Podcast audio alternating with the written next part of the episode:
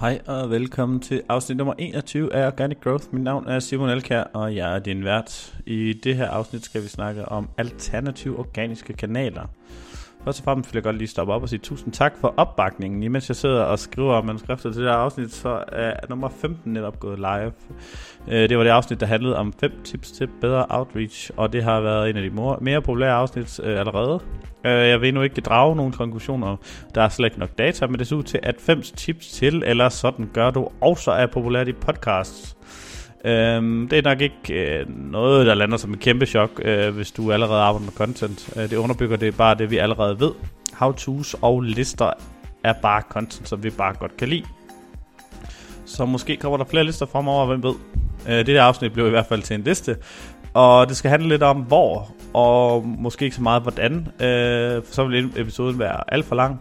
Øh, hvor kan vi ellers gå ud og skaffe organisk trafik og vækst? Altså, øh, hvor kan vi få flere besøgende eller mere kendskabsgrad og branding uden at bruge annoncekroner?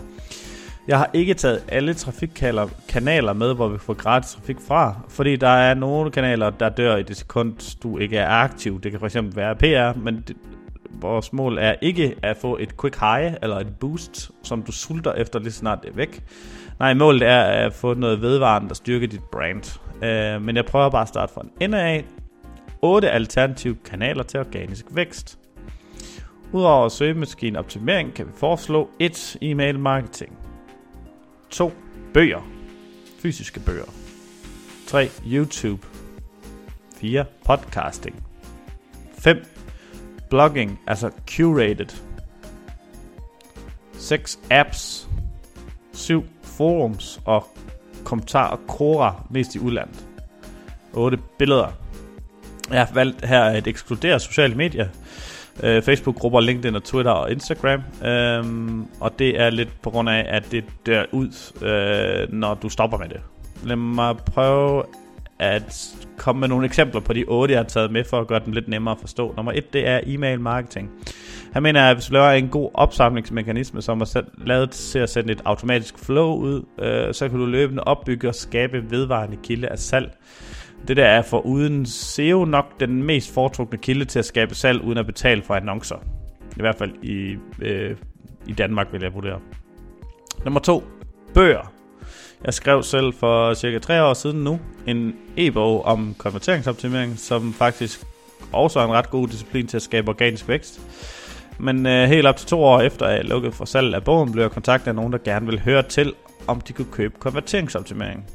Og faktisk er det slet ikke ret mange måneder siden, at jeg blev spurgt, om jeg ikke kunne sælge dem en version af bogen. Bogen er desværre lidt outdated, og jeg synes øh, ikke, den levede op til mine forventninger mere.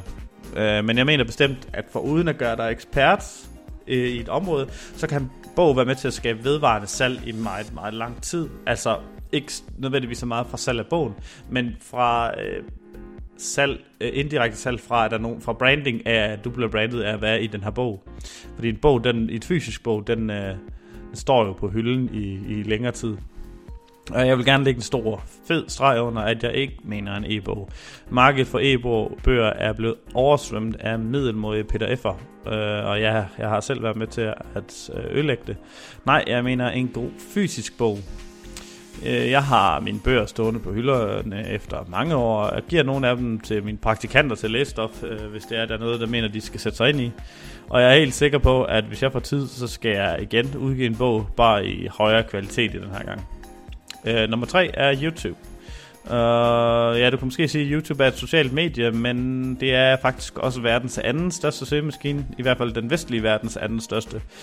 Uh, og især helt unge bruger YouTube til, som deres foretrukne kanal til at surfe nettet. Og hvis du skal have et budskab ud, er YouTube en fantastisk kanal at komme ud med det på. Og så er der efterhånden også ved at være mange eksempler på, hvordan YouTube har været med til at skabe hele forretninger, fordi der er stadigvæk et untapped potential i den her som trafikkilde hen herfra. Øh, nummer 4 er podcasting. Øh, og ja, det er så en af dem, jeg selv er hoppet på. Jeg elsker selv podcast. Det er nemlig en, noget helt unikt fra de andre medier, er, at det er et medie, jeg kan konsumere, imens jeg udfører mit arbejde. Jeg har lyttet til taleradio i for altid, og nu er det bare blevet erstattet af nyttig viden i stedet for. Og på den måde kan jeg egentlig blive klogere på samtidig med, at jeg er effektiv. Øh, og det er det perfekte medie i min bog, og derfor er jeg selv hoppet på vognen som udgiver. Nummer 5 er curated blogging. Her mener jeg, hvis du kan få en blog, øh, som i den gamle dag kunne hedde en klumme, et andet sted end på din egen hjemmeside, jamen så er det med til at både blåstemple dig og skabe et flow af trafik og branding fra eksterne kilder. Det kan så, så sågar være med til at give dig en så god stempling som ekspert, at hvis tv engang skal bruge en ekspert i dit felt, jamen så er det måske mere oplagt, at de finder den hos sketchebloggerne ved Børsen, Avisen, DK eller Finans, hvem ved. Øh, det kan være lidt svært at få nogle af de her blogs, men altså prøv at tænke lidt mere i, uh, i spredt uh, curated, i stedet for bare et sted uh, hos børsen for eksempel. Så kan du uh, eksempelvis uh, få, um, få det placeret hos uh, måske et øh, andre øh, online magasiner, der er mere relateret til dine emner. Øh, og jeg vil ikke gå efter sider som øh, twi- øh, hvad hedder det, LinkedIns egen indbyggede uh, artikeludgivelse, fordi igen, det er sådan lidt med, at de forsvinder. Øh, når, når du først har udgivet det, så forsvinder det i mængden. Folk de søger ikke på LinkedIn efter ting. Men hvis du kan finde en side, som er godt indekseret i Google, og du kan skrive noget søgemaskineoptimeret indhold til deres hjemmeside, så når folk besøger deres hjemmeside, så får du jo brandet, altså bliver du jo brandet faktisk, selvom at det er på en anden hjemmeside. Og det er typisk uh, nemmere at få en god artikel til at rangere på en bedre hjemmeside end din egen.